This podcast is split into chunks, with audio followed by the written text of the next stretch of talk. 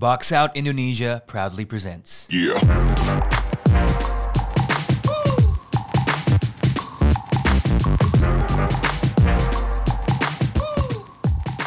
Oke, dari The City of New Orleans kita mengakhiri uh, apa namanya season preview Southwest Division untuk dah untuk lagi dengan kita berangkat kembali ke Texas. Tadi kita mulai uh, lewat Dallas ya, dan kita akan menutupi dengan San Antonio. Jadi kita bakal ngobrolin San Antonio Spurs dan it's only fitting. Jadi buat gue dan Abi mengajak our uh, good old friend Faldi buat ngomongin Spurs. Jadi basically ini gue sama Abi cuma menemani Valdi aja lah. Membuka keluh kesah, membuka harapan, ekspektasi, ya kan. Enggak ada Nah, ekspektasinya mungkin- lah. Lanjut aja. Kayak ini ya, apa namanya? Gue gue gue nggak mau ngomong ke Abi lah, gue langsung ke Valdi aja. Val, uh, Yuk. off seasonnya Spurs ya dengan apa yang lo lihat, bagi apa yang lo rasakan dengan off seasonnya Spurs? Heeh, jadi ya kan pokoknya segala satunya hancur karena Kawhi ya. Jadi gue masih keselnya sama dia. Jadi dalam tiga tahun yang lalu kayaknya mau lebih lihat ke eksperimennya si DeRozan aja gimana. Dan ekspektasinya kan kalau punya seorang DeRozan, punya Aldridge, ya lu punya dua bona fide All-Star. Terus tapi ternyata dalam tiga tahun cuman bisa menghasilkan satu playoff appearance sama dua play-in appearance. Jadi ya mau nggak mau dengan berakhirnya kontraknya DeRozan ya lu harus lebih menuju ke arah rebuild dan itulah yang Spurs lakukan. Mereka udah neken kontrak extensionnya buat DeJounte, buat Derek White, mungkin seterusnya buat Lonnie dan Keldon. Terus mereka juga udah nge-address beberapa weaknesses yang ada di mus- musim lalu, terutama di shooting. Kemudian ada di gua rasa sih di rebounding atau paint presence. Tapi ya eh, as a whole kayaknya mereka ya akan lebih mempercayakan si tenaga-tenaga mudanya Spurs ini untuk ke depannya gimana karena rasanya sudah percuma juga untuk terus mengandalkan DeRozan untuk Patty Mills, Rudy Gay, mending mereka mengembangkan saja apa hasil pengalaman mereka selama di liga ini untuk sesuatu bisa menghasilkan sesuatu yang baru gitu. Yaitu berupa NBA Championship yang nggak bisa mereka dapatkan lagi di Spurs. Kurang lebih begitulah. Ini sangat sangat ini ya sudah dipikirkan dengan matang-matang. Nah, cuman gue sebelum ke lo ya, gitu.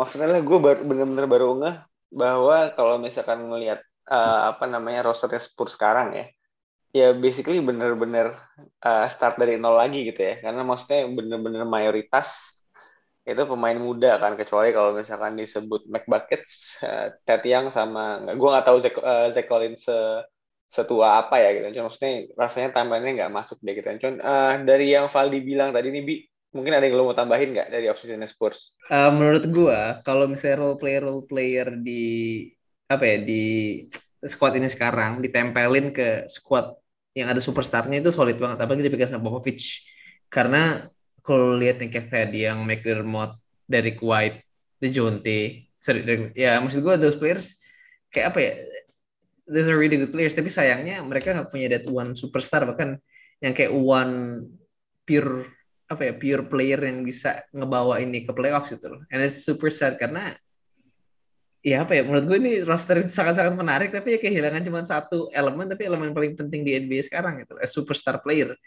So yeah, I think it's just yeah, it just shows the quality of the organization sih kayak walaupun dalam apa ya dalam ketika tangan lo terkekang gitu ya, lo nggak punya aset bagus dan kawan-kawan, but they still manage to get um, good players in through sign and trades, etc. etc. So I think ya, eh inilah, jangan sedih lah. Maksud gue, they can still play good basketball. Soalnya ini ya apa namanya? eh, gue sebenarnya sangat suka dengan Ted yang datang ke Spurs ya. Maksudnya a system player playing and a system based team gitu kan. Sebenarnya kan it's only fitting gitu ya. Cuman yang sangat disayangkan itu tadi gitu loh. Timeline-nya nggak pas kan. Maksudnya Ted yang udah 30 of something sih. Sementara dia harus main bareng anak muda di Spurs, ya agak unik aja gitu. Cuman kalau gue nggak salah ingat, Abi bilang di grup gitu kan. Bayangin Thaddeus yang filling in Tim Duncan shoes. Ciao coy. Lu bayangin loh itu Val, bayangin kayak lu apa ya? Di zaman-zamannya kayak lu bisa pasangin Boris Diaw sama Tadiang. Ngiler nggak lo? Eh, enggak sih. Nggak ngiler lo? Tadi yang bukan bukan tindakan sih. Bukan maksud gue kayak eh, sorry, sorry. bukan bukan bukan untuk menggantikan Hmm. tapi kayak ketika tim Duncan goes to the bench and you have Thad Young and you have Boris Diaw kayak di zaman-zaman itu kayak Thad Young was a piece complementary piece to tim Duncan gitu. Kayak understudy tim Duncan. I think that's legit loh. Kayaknya lebih cocok gantiin Boris Diaw deh. Tadi Iya. yang sama tim Duncan tuh lebih. Tapi Iya. ya sih maksudnya gue, gue setuju sama omongan lebih soal yang superstar tadi.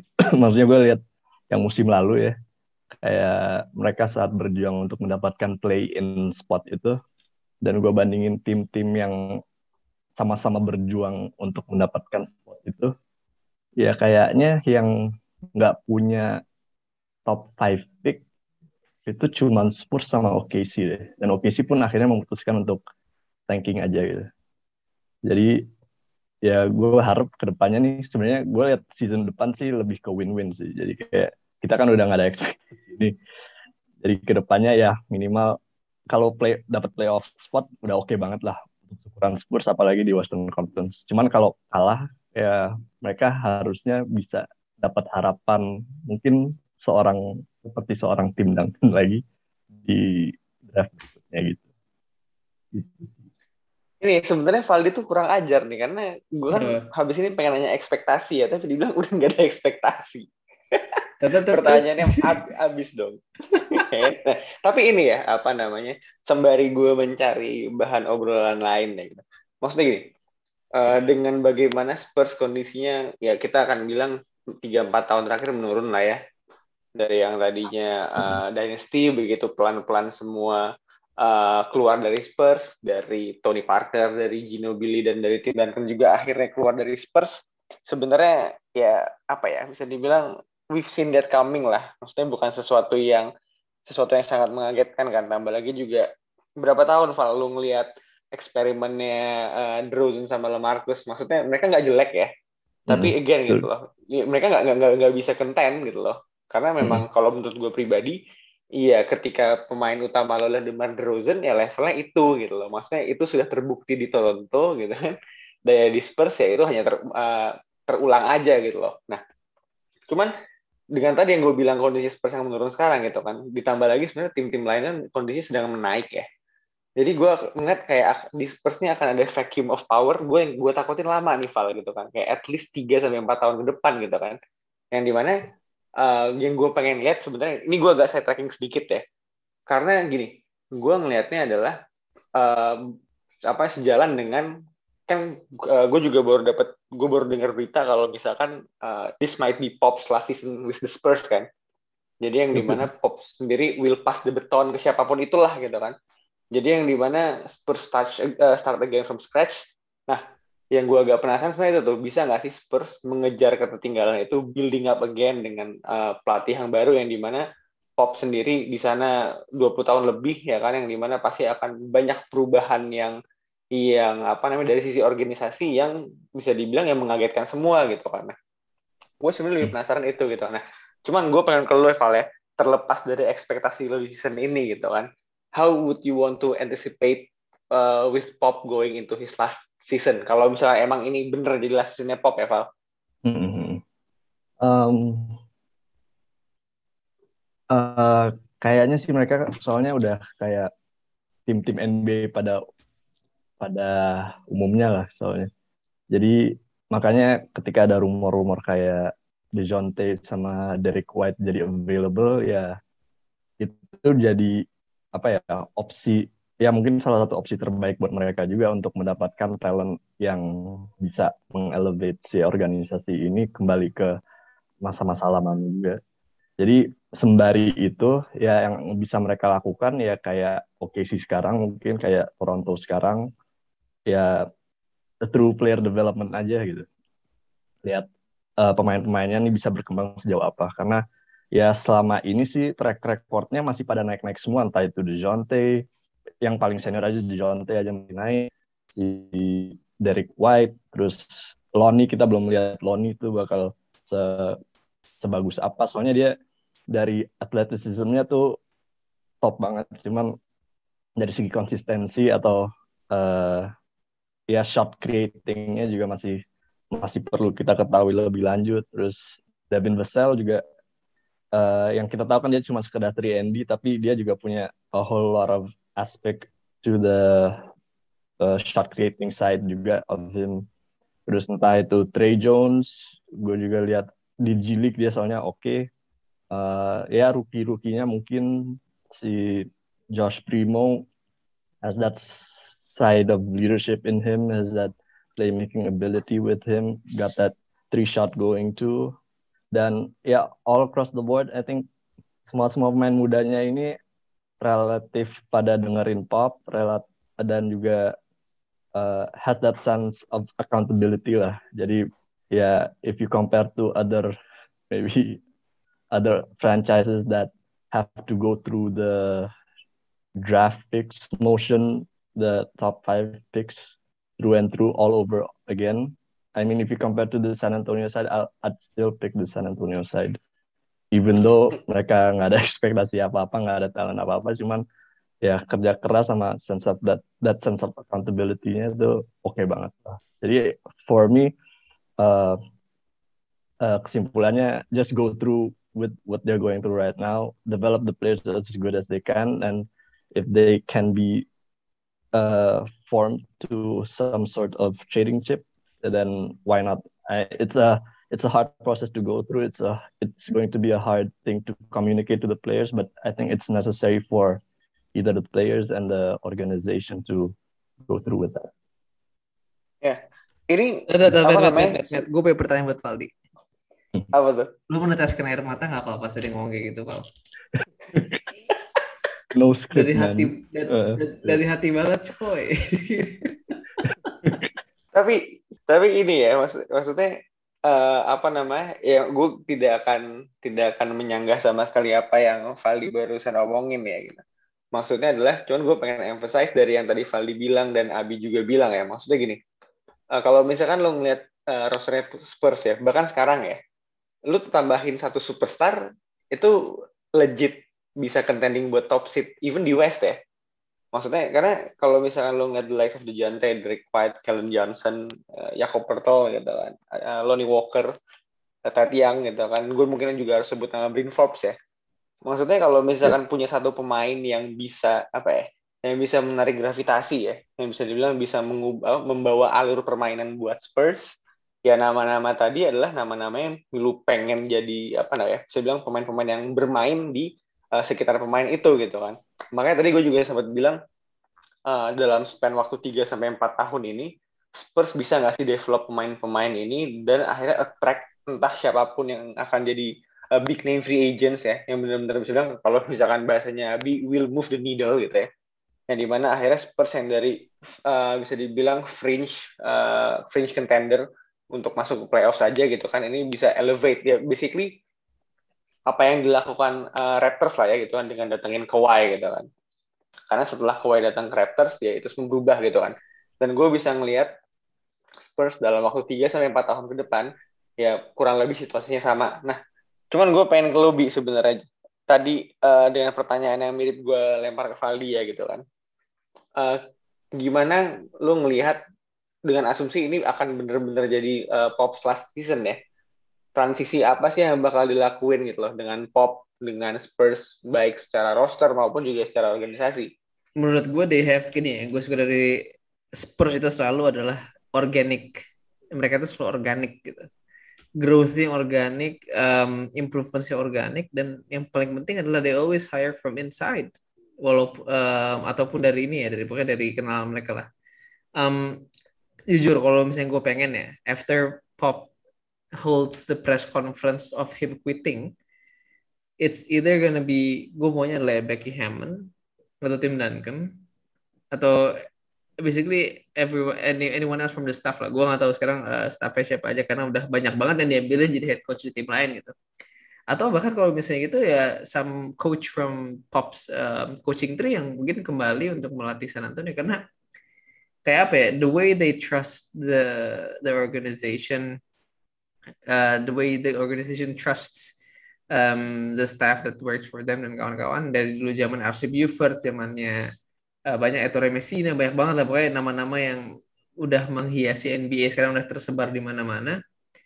Ya kelihatan gitu that pop coaching itu one of the most influential um, in the league right now gitu. Dan uniknya adalah even if that is being said, tapi um, pop uh, gini ya sorry, sorry ya influence dari coaching trinya Pop itu kelihatan di mana-mana ya karena tersebar. Tapi ironisnya adalah dengan sekarang liganya itu three point his understudy itu bisa mengapa mengadaptasi gitu but I don't know why. I think the Spurs mungkin salah tim yang terakhir untuk mau mengadapt that uh, high volume three point shooting kan. Bukan maksudnya bukan berarti mereka salah atau apa but it's just it's it's unique how kayak this may be this may be kayak pops last year. And maybe this is the last time we'll see a basketball that's not kind of you know fully geared towards the three point shot. And you hmm. and you have to be apa ya and maksud gue the next in line nanti adalah cuma the Phoenix Suns uh, sorry um, Monty Williams Phoenix Suns and that's also from Pops ini kan uh, quote unquote atau Spurs inilah Spurs legacy tapi itu yang mungkin I will miss adalah ya the last dying breed of the 90s or early 2000s basketball is living with the Spurs right now. Dan ketika nanti pop udahan ya maybe will finally kayak ya udah gitu loh. That last reminder of that era udah ada. Tapi ya I don't know man. I think to, to answer your point um, yeah I think it's gonna be internal hiring. Gue pindah adalah mereka hire internally sih tapi gue sangat suka dengan ide memulangkan kembali uh, ex apa namanya coaching staff pop ya. Maksudnya to a certain manner lebih viable dibandingin promoting Becky Hammond ya. Meskipun dengan kalau misalkan ada agenda-agenda lain di belakangnya penunjukan Becky Hammond akan menjadi PR move yang sangat bagus buat Spurs ya. Cuman gue sambil iseng-iseng lihat tadi ya maksudnya the, the Greg Popovich uh, coaching tree ya yang paling notable sebenarnya kan uh, dua finalis uh, season kemarin ya. Uh, hmm. Milwaukee Bucks sama Phoenix Suns, Monty Williams tadi disebut dan Mike Budenholzer juga yang ini gue jujur baru tahu ya. Ternyata jadi uh, apa namanya? Uh, asistennya si Pop ini cukup lama ya dari tahun 96 sampai 2013 gitu loh. Maksudnya menjadi sedikit masuk akal dengan bagaimana uh, stubbornness-nya Coach Bud ya yang di mana ya kita juga nggak pop cukup tanda dengan tanda kutip cukup stubborn gitu kan. Tapi kita bisa ngelihat kalau misalkan eh gue pribadi bisa ngeliat kalau misalkan salah satu dari nama-nama yang pernah menjadi staff kepelatihannya pop balik ke Spurs gitu kan. Tapi ada satu nama yang sangat menarik Bi sebenarnya dari salah satu orang yang pernah menjadi asistennya dia. Siapa? Jim Boylan. Woi Jimmy. Itu mungkin salah didik tuh. Mungkin ya gini deh lu kalau misalnya panen tuh pasti ada buah yang nggak bisa dijual atau buah yang nggak bisa dimakan kan? Nah, itu Jim Boylan tuh. Okay. dari dari from that tree the, the only rotten apple ya Jim Boylan. Nggak lolos QC nggak lolos QC dari buangnya buang oke ke college ball kan. Buangnya buang buang buang. Eh tapi uh, apa namanya gue mau bilang Spurs will be having a rough patch sebenarnya nggak juga gitu kan. Karena kita tahu at least untuk season ini ya the kind of basketball yang mereka mainin gimana, kualitas pemain yang mereka punya seperti apa gitu kan. Mungkin apa ya, kayak misalkan tadi lu bilang uh, di Memphis ya, mereka akan menjadi tim yang menyebalkan. Gue bisa nggak Spurs ya di, di on the same manner gitu kan playing good kind of basketball tapi ya dengan kualitas pemain yang dipunya emang tidak cukup untuk menang gitu kan. Nah, cuman gue mau ke Val lagi nih, Val. Mungkin tadi lu bilang tidak ada ekspektasi gitu kan. Cuman gue pengen tahu uh, dari Spurs di season ini, gitu kan. Mungkin tadi lu udah sedikit senggol terkait dengan player development gitu ya. Cuman kalau misalkan lu bisa jelaskan lebih spesifik lagi gitu ya. Uh, apa namanya harapan yang pengen lu lihat dari Spurs di season ini apa sih Val? Harapan sih gue pengen dapet draft pick top 5 sih sebenarnya. udah lama enggak ya? Eh, terakhir, I need that talent, terakhir Duncan loh. Iya kan? Iya. Yeah. if, yeah. if Lama you, itu. If you've been to the playoff for 20 years, ya berarti ya terakhir adalah Duncan itu dan number one overall pick. nah, why not? Dan pas pas Tapi, banget. Tadi sih cuma gue pengen agak nyinggungin omongannya Abis ya, soal yang three point shooting. Kayaknya uh, Popovich has always been an adaptive coach sih menurut gue. Jadi kayak he plays to his players' strength and ya nggak tahu kan. Jadi kan kalau lihat role pemain Spurs sekarang ini rata-rata kan guard dan ya malah guard kayak kan kayak DeJounte, Derek White, Lonnie Walker, terus nanti ada Primo, Keldon Johnson, mereka semua undersized wings gitu. Jadi ya it's gonna be interesting again to see ntar ke depan untuk musim ini terutama uh, the type of plays that they're going to play. Jadi kayak apakah akan lebih ke Tony Parker-esque atau lebih kayak mungkin tipe-tipe play yang akan nge-cater kayak Ginobili atau gimana. And let that post plays go because they don't have any post players anymore. Tadi ada suatu hal yang mau gue bawakan. Ya soal Popovich kayaknya juga. Ya whether it's this last year gue malah sejujurnya masih ngeliat Popovich sampai mungkin 2-3 tahun. Mungkin ya uh, argumennya lebih condong dia pensiun tahun ini karena mungkin bisa mengejar untuk uh, kemenangan terbanyak untuk suatu coach ya tapi it's just the the roster that he has right now represents a a brand new project that he never had to deal with in his time with the Spurs gitu. Jadi selama ini kan kayaknya uh, segala satunya dimulai dari tim Duncan terus it's just been smooth sailing dari kita tim Duncan terus Parker datang, Ginobili datang, uh, masa-masa jayanya Ginobili terus masa-masa jayanya Tony Parker terus Kawhi datang jadi ada passing of the torch right there. Terus setelah Kawhi pindah itu, boom, just it just started deteriorated, uh, menurun lah, menurun lah trennya ya. Sampai ke sekarang ini, just a whole new project that Pop is excited to be in. Jadi kayak selama ini gue lihat interviewnya juga, um, he's always been proud of the team's effort, team's work rate, although mereka sering ketinggalan uh, ya sering bikin kesalahan juga mungkin dalam pertandingan dari satu ke satu lainnya. Tapi uh, the way they bounce back it it was what excited Pop to coach even more. So uh, yeah that's my take on this so I think Pop is maybe it's gonna last more than one year tapi yeah who knows at the at later years yeah uh, for me personally I'd like to see internal uh, internal recruitment. I think Tim Duncan, Ginobili, Becky Hammond check that boxes. Uh, mereka punya apa corporate knowledge dari Spursnya gimana. Kayaknya mereka juga sehari-hari ada bareng rosternya untuk latihan. Jadi they they already have that respect of the roster, I think, and they already know the know-hows of the organization. So uh, I hope it goes well for the team. Eh, ini luar biasa ya. Gue pikir Vali sudah cukup banyak membahas tadi di part pertama dan di pertengahan ya. Ternyata masih ada yang dikeluarin ya. Cuman ini ya, apa namanya, uh, gue pengen sedikit menyentuh soal tadi lo bilang Pop masih akan bertahan misalkan 2 sampai tiga season ke depan ya.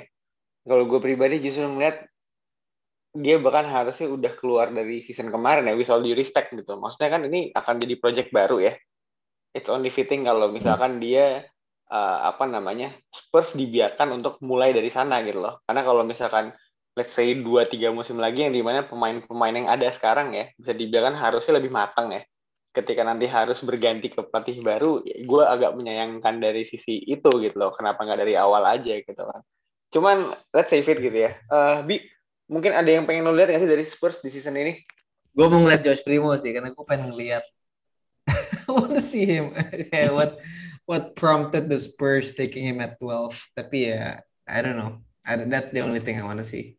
Kayak di Jonte, Derek White gue udah tahu lah. We know the rest of the Spurs um, uh, roster kayak gimana.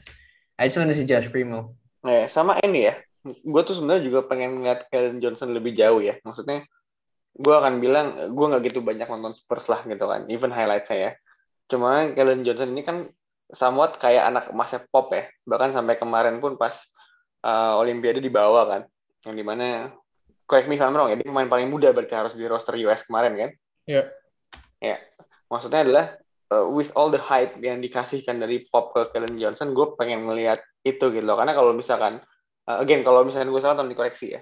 Dari nama-nama yang ada di Spurs sekarang yang punya apa yang paling punya potensi untuk apa ya bisa dibilang jadi that number one uh, player di offense per sekarang kan Kellen Johnson rasanya ya. Jadi gue pengen ngeliat dia bisa dibilang dikasih exposure lebih lagi taking more shots gitu kan. Maksudnya again ini kan bisa dibilang akan jadi uh, apa namanya a new learning curve buat para pemain Spurs ya. Karena nggak ada target gitu kan. Bahkan kalau misalnya jadi pop targetnya adalah gimana caranya lo bermain lebih bagus dibandingin season kemarin lo improve sebagai seorang pemain gitu kan. Jadi gue sebenarnya pengen ngeliat itu sih sebenarnya. Uh, kita ngomongin Spurs udah hampir setengah jam. Khusus. Jadi habis ini gue khusus buat Vali. Sebelum gue tutup ya Vali ada yang belum gue tanyakan terkait dengan Spurs, tapi ada yang pengen lo keluarkan lagi, Val? Ya, kan uh, baru ada berita pagi tadi uh, Lukas Samanic di Wave. Sedih sih itu. Tadinya gue uh, gue berharap kayak karena untuk bermain di San Antonio kayak lo butuh seorang pemain yang bisa yang mau tinggal di San Antonio. dan, dan gue kalau lihat nge-track ya 20-30 tahun ke belakang kayaknya orang-orangnya kalau entah orang Amerika berarti orangnya yang baik-baik kalem-kalem atau enggak orang Eropa gitu. yang apa yang tipologi kotanya tuh kurang lebih sama kayak kota-kota atau daerah-daerah di Eropa jadi tadinya gue berharap Samanic tuh bisa seperti ya dalam tahun ini bisa breakout eh tapi ternyata di break entah dari work ethicnya gitu tapi di break jadi ya, ya itu sedih. Iya, iya, iya. iya. After udah abis di part-part sebelumnya ya. Bi, mungkin ada yang mau tambahin lagi kan nih? I'm cool. Tutup? I'm cool. Cool ya. Oke, jadi basically sih gue cuma pengen lihat entertaining basketball aja dari Spurs ya. Karena again, dibilang jelek enggak juga sebenarnya kan. Tapi lu nggak bisa berharap lebih dari roster yang emang sebegitunya aja ya. Cuman tadi paling not lebih gue, gue pengen lihat Kellen Johnson sama ini sebenarnya sih. Uh, di Jente bisa dibilang apa ya uh, taking more roles lah gitu kan karena kan bisa dibilang per sekarang de facto pemain uh, the number one player in San Antonio Spurs kan dia ya tapi ya kita lihat aja lah yaudah kalau gitu basically sih buat Southwest Division udah kita cover semua ya kita udah ngomongin Mavericks kita udah ngomongin Rockets Grizzlies Pelicans dan barusan Spurs basically thank you Valdi sudah meluangkan waktunya untuk memberikan curahan hati yang sangat dalam buat tim kesayangannya ya thank you juga buat Abi Uh, thank you juga buat semua yang udah dengerin. Sampai ketemu di episode selanjutnya. Thank you semua. See you. Bye.